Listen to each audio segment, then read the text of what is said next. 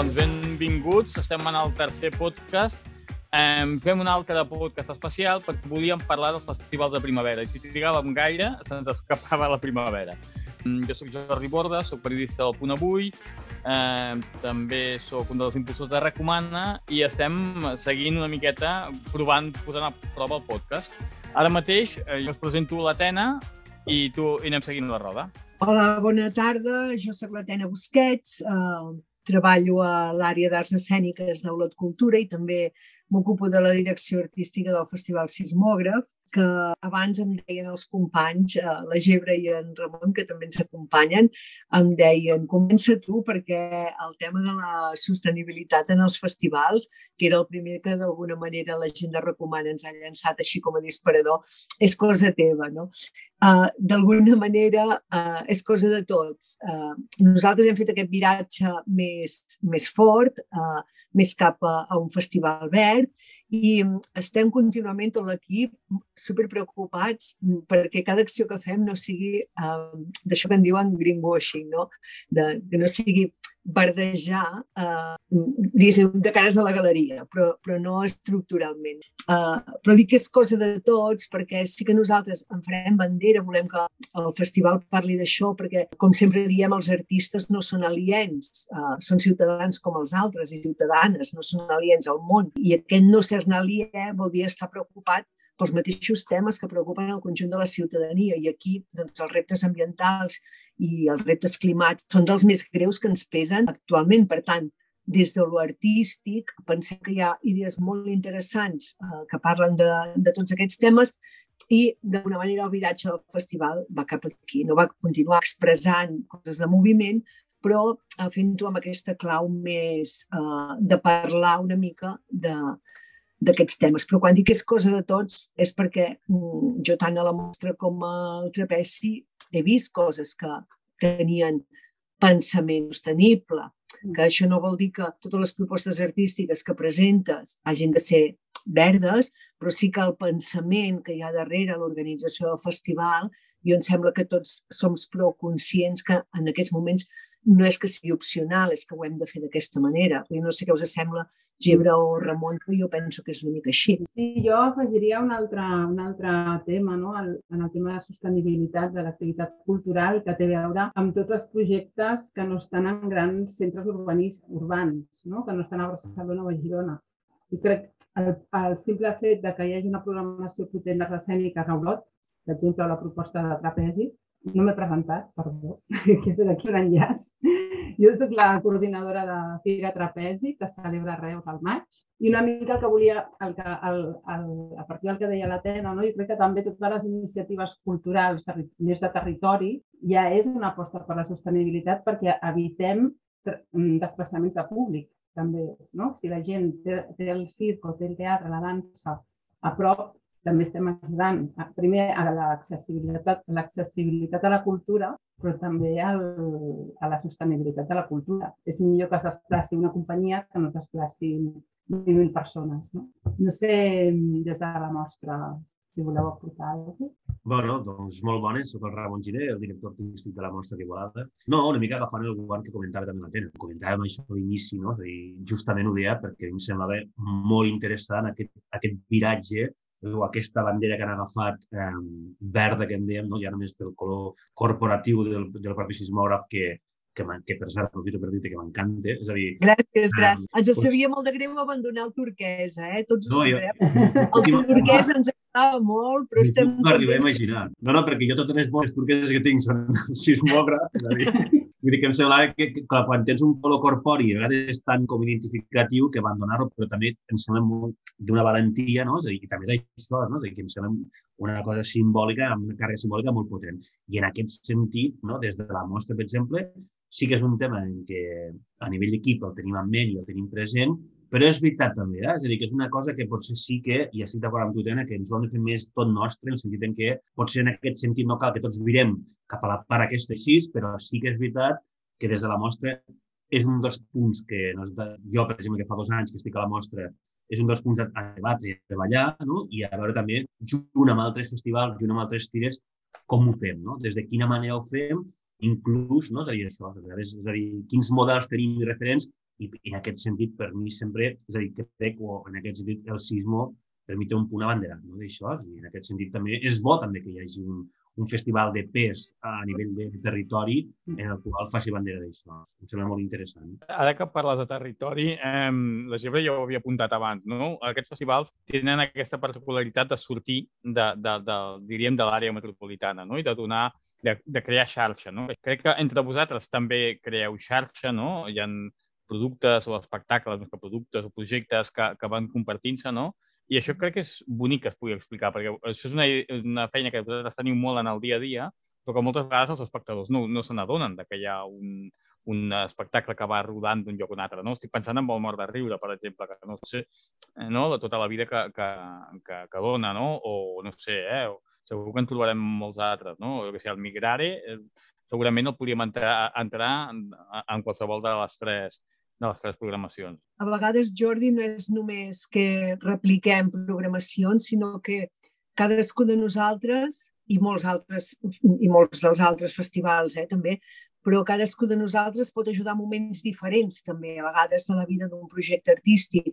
A vegades uh, hi ha una primera com sortida de residència a trapeci que uh, finalment l'any següent es pot acabar eh, ensenyant o a la mostra o a sismo, vull dir que, que a vegades no és només eh, que acabis programant el, el mateix perquè ens posem d'acord amb, amb sostenir amb alguna companyia, sinó que la puguem ajudar a vegades en moments diferents de, del procés creatiu, que jo penso que això també és molt necessari i crec que cada vegada estem més una mica en aquestes dinàmiques.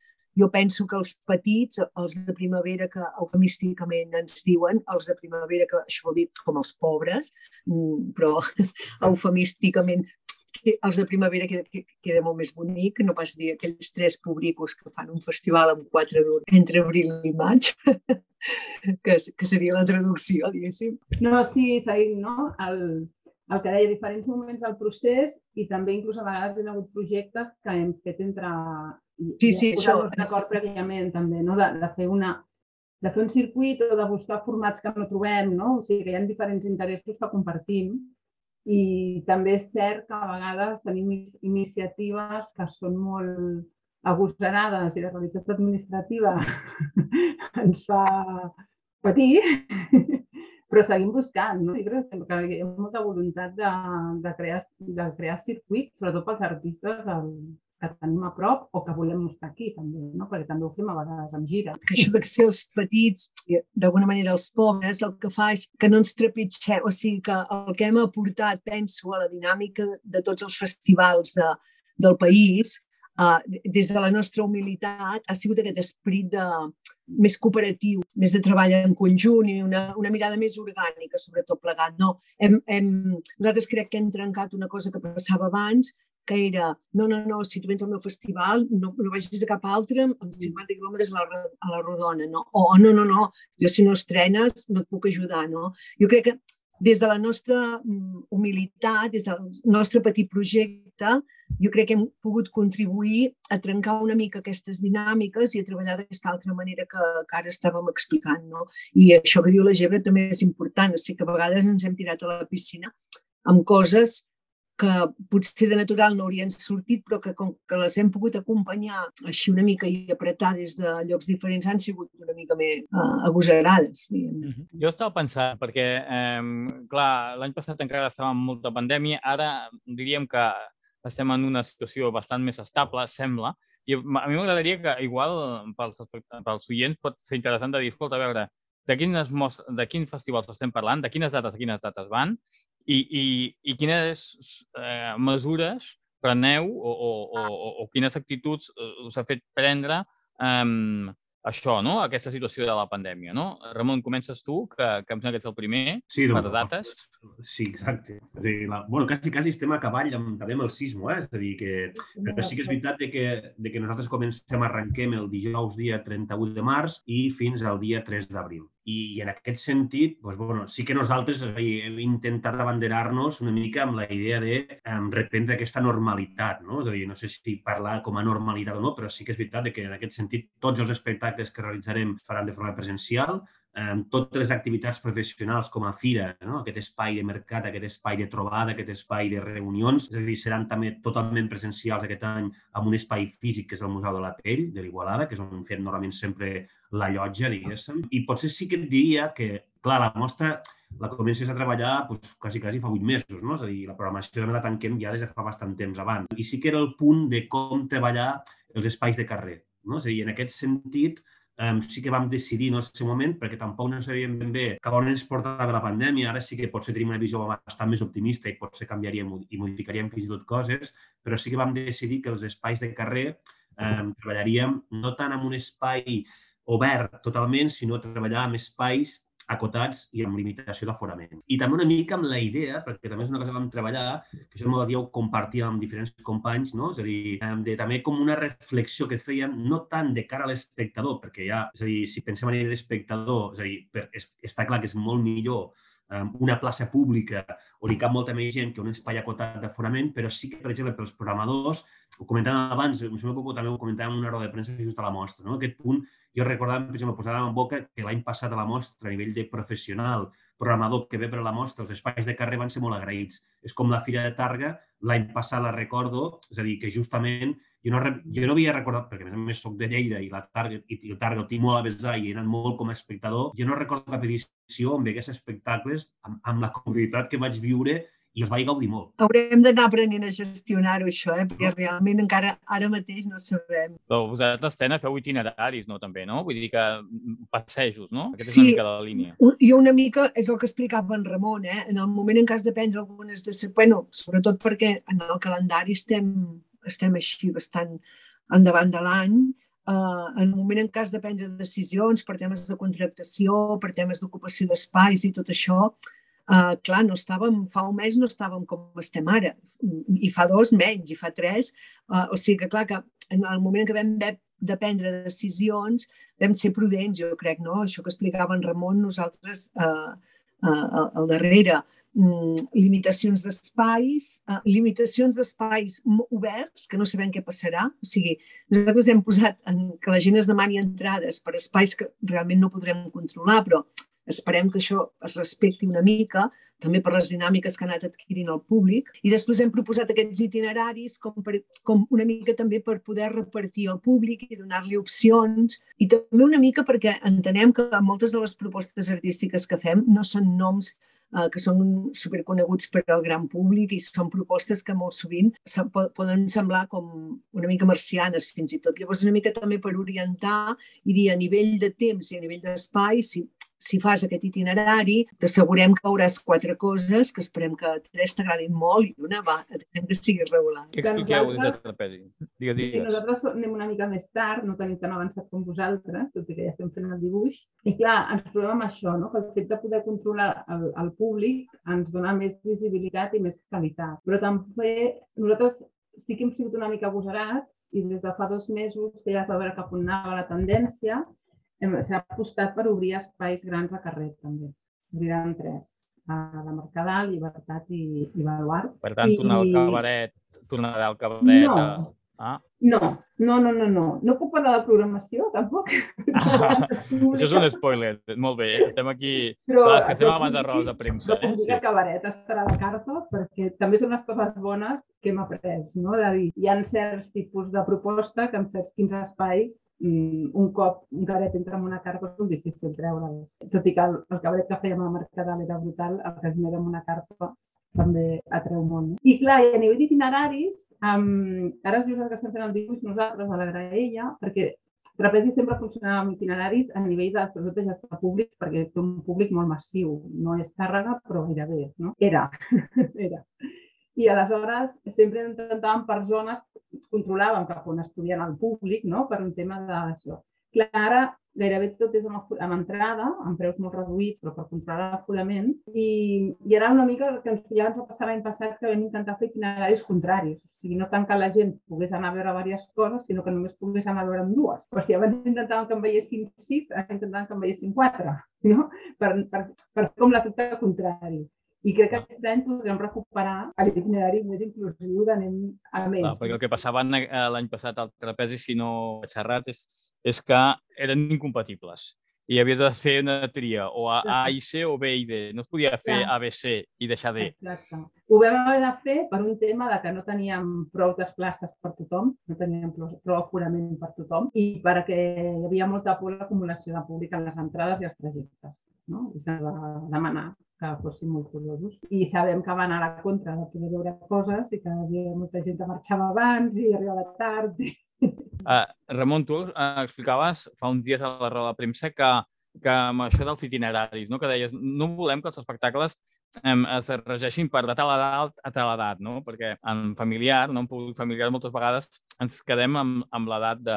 Bueno, això és per aquests nens, i en realitat molts espectacles són pels nens i pels pares, no? De fet, aquesta és una miqueta la idea, no? Sí, bueno, jo com vaig entrar a la mostra havia com aquest històric no? d'aquests itinerants eh, per franges d'edat. I jo des del principi mm, em costa molt creure en, en, en, en espectacles adreçats a famílies o a nens o al que sigui. No? És a dir, si, justament aquest any nosaltres posem damunt de la taula una de les activitats és com cataloguem els espectacles infantils. És a dir, perquè és veritat de que a vegades aquest punt, no? o conceptes com, no, és que això és un tot públics. Què vol dir tot públics? Què vol dir eh, espectacles adreçats? És a dir, jo poso damunt de la taula i la necessitat de parlar-ho amb el sector, amb, tant amb programadors com amb companyies, fins i tot distribuïdores o coses així, de dir, ho fem una mica, no? És a dir, de fet, nosaltres aquest any hem, hem optat, diguéssim, per fer espectacles a partir de, no? És a dir, de dir pues, aquests espectacles a partir de 3 anys. No sé, comentàvem de dir, és, um, tu en el cinema és catàleg molt aviat de quan tu dius aquest, aquesta pel·lícula a partir de 5 anys. I això no exclou un públic de 15, 25 i 55, no? Um, per tant, una mica, aquesta és la intenció, una mica, no? I no només els espectacles infantils, també els d'adults, no? És a dir, per què no un adults podem dir, no, no, um, recomanat a partir de 12 anys? És a dir, perquè també pot ser una persona, una persona jove es pot sentir també cridada a veure aquest espectacle. No sé, és, és un dels punts en què sí que fa temps que en el sector infantil es parla, es debat, um, i en aquest sentit nosaltres la pera que posem, no? el que posem és aquest punt de, bueno, de, de, de partir d'itineraris eh, per edat, sinó de recomanacions a partir d'una edat. Bueno, jo us volia preguntar, eh, a hores d'ara, eh, la Mostra d'Igualada és un festival estratègic, eh, Trapezi és un festival estratègic, Sismògraf ho ha deixat de ser, no? Però tot i així les relacions continuen, no? En, amb Tàrrega, entre vosaltres... És així, Tena, o, o, o en què modifica el fet de no ser sismògraf? No, Tenim menys compromís de, de, de fira, de mercat, no? A, a, a la relació continua absolutament. Eh, és més, jo crec que fins i tot la, la, la, la podrem fer créixer.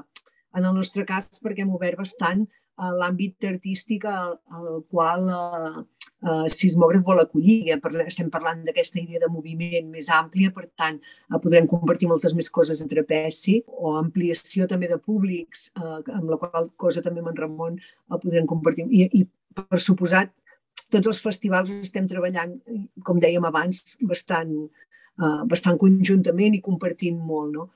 Uh, estratègic o no, bé, això no deixa de ser una categoria que en un moment donat es posen uns quants festivals. Nosaltres pensem que, diguéssim, espiritualment, estratègics ho continuem sent, perquè pensem que estem parlant d'una cosa que és molt important parlar-ne ara, des, des de l'àmbit artístic. Per tant, ens sempre ens considerem estratègics. Uh, el que passa que sí que el que d'alguna manera deixem és aquesta part més um, industrial, uh, dit industrial amb tot el carinyo, eh? Uh, aquesta part més de, del que és la, el, oferir productes per la compra-venda, de la part més de mercat. I no realitzarem acció professional, que això no vol dir que no acollim professionals, que no els hi proposem uh, unes uh, dinàmiques especials, que no acollim, fins aquest any crec és que acollirem més reunions de grups professionals que ens han demanat, els del projecte de travessia, els, de, els bueno, diversos projectes que venen a fer les reunions de sismògraf, perquè molta gent ja tenia com aquesta inèrcia de, en un així com primer moment de l'any, un bon espai per trobar-se. O sigui, tot això, evidentment, uh, quanta més gent vingui uh, millor, però nosaltres d'alguna manera el que ara expliquem és uh, tothom qui ve és públic. Hi ha públic professional, públic amateur i públic uh, en, en el, com, com tu, Jordi, que quan arriba a casa s'ha de posar a escriure, no? Però uh, el, que, el que ens agradarà a partir d'ara és poder parlar de públic en general, de, de que estem fent coses mm, perquè uh, la gent les disfruti molt eh, i perquè tot el públic les, les, les gaudeixi intensament, sigui quina sigui la característica d'aquest públic, no? si, si hi va allà per motius professionals o si va allà per motius eh, de gaudi o si va allà per motius uh, d'altres tipus de feina. El que volem és adreçar-nos a... Um, o sigui, fer molt artista públic. Llavors, per tant, la part aquesta més de compra-venda o de sosteniment del sector, tot això és el que d'alguna manera a partir d'ara haurà de fer uh, algú altre. Nosaltres pensem que durant un temps ho hem fet, ho hem fet d'una manera i ara no sé si algú té una idea de fer-ho um, d'una altra manera o de millorar-ho, doncs mm, d'alguna manera aquí està, però nosaltres necessitem una mica ara ocupar-nos i posar l'accent sobre, sobre això, no? sobre la relació de l'artístic amb, amb la ciutadania. Clar, parlem de l'artístic i la ciutadania o, o, o parlem de, de, no, això, de la importància de l'ecologia, per exemple, no? però, però realment teatre familiar eh, al món de la natura i la preocupació pel canvi climàtic hi és, i és constant, i en, i en trapezi també, perquè els artistes de circ que una cosa teniu és, és cos, és presència, és natura, no? I, i, i, i és molt orgànic tot plegat. Vull dir que no, no sé si coincidiu, si, si ara realment aquest pas que està fent Sismògraf també una mica ens porta a la tendència, no? O sigui, um, sembla com que, que ara estiguem, o sigui, arran de la pandèmia, doncs que de sobte valorem més coses, no? I, i, i, i per tant, les obres i les creacions que, que estan fent a les companyies uh, aboquen més cap aquí, o no? Què, què, què hi dieu vosaltres? Jo crec que sí. També per l'evolució del circ en el, a, en el seu territori i els territoris voltants, no? que cada cop s'ha obert també a temes més diversos, les dramaturgies dels espectacles, però estan...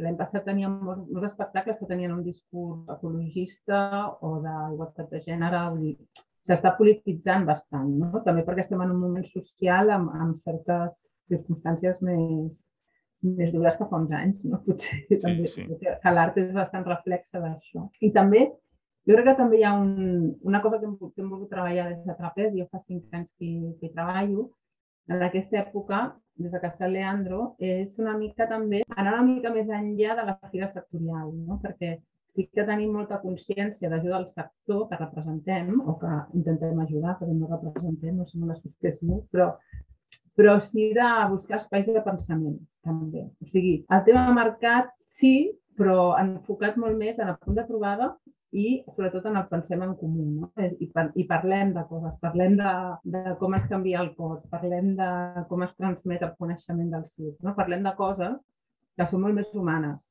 I això ens crea espais de pensament en comú que també generen confiances i d'aquí sortiran coses, perquè al final per nosaltres és trobar-nos i, i crear relacions. No? I d'aquí sortiran projectes que pot ser la contractació d'un espectacle, potser, però potser no, potser és una altra cosa, que encara no... que sortirà d'aquí un any, no? una mica. És una visió una miqueta més, com dir-ho, pragmàtica. Sí, i eh, Ramon, eh, això, tu parlaves de, bueno, no sé, primer de tot, centenars de propostes que, que heu valorat per, per acabar entrant les que han entrat a, a la mostra, eh, doncs això, no? Si, si realment aquest tema es, es, es palpa, es batega.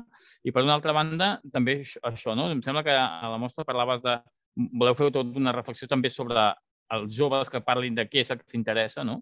I, I crec, bueno, almenys la, la percepció que jo tinc és que, és que això és un tema que, no?, la natura, el gènere.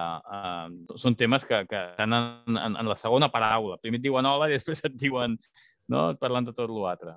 Sí, no, jo, jo el que proposo, el que m'interessava sobretot és, és a dir, empoderar els joves, donar-los la paraula. No? És a dir, fer la, la, la nostra acció que fem divendres al matí, justament eh, hem, hem, elaborat, és a dir, hem, hem buscat un format per la qual buscar com una taula on hi haurà vuit joves esmorzant eh, i alrededor hi haurà programadors, hi haurà professors d'escola, hi haurà distribuïdors i el que farem serà escoltar-los. És a dir, eh, és un format que vaig anar amb un...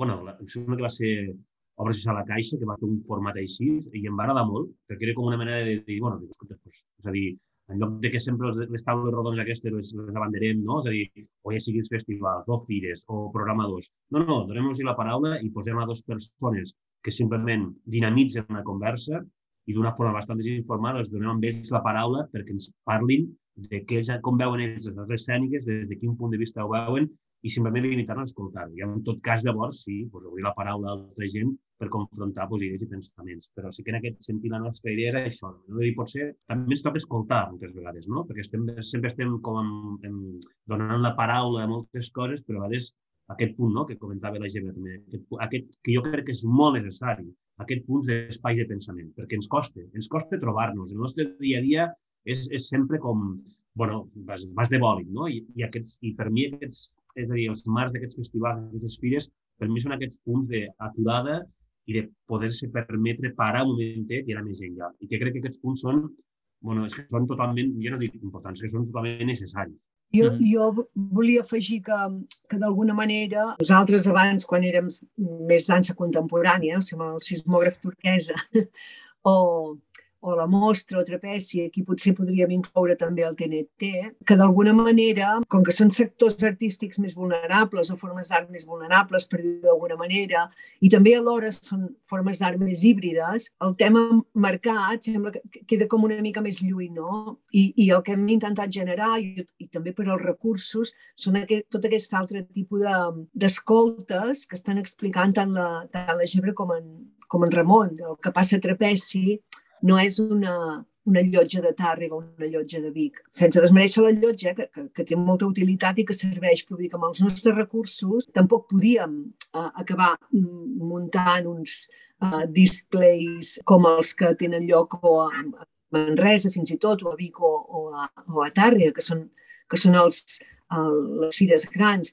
I penso que Tàrrega, per altra banda, ens ajuda molt a nosaltres. O sigui, Tàrrega d'alguna manera recull tota aquesta part més d'arts escèniques i fa tota aquesta acció professional molt ben feta, per altra banda, i la fa durant tot l'any, ara a més a més, i que està generant totes aquestes les iniciatives que està eh, portant a terme durant tot l'any, no només els dies de la fira. Per tant, jo crec que aquí ens hem anat com complementant molt i aquest, aquests altres mecanismes d'ajut tant a la professió com a, a la, tant a la professió del sector més artístic com a la, a la professió del sector més professional, eh, totes aquestes altres dinàmiques són les que nosaltres hem pogut aportar perquè per recursos tampoc podíem muntar estants, per entendre'ns, però en canvi sí que hem generat aquestes altres dinàmiques que a més a més després també les fires grans eh, incorporen, per tant, Aquí del que estem parlant és d'entre tots fer-ho fer, créixer.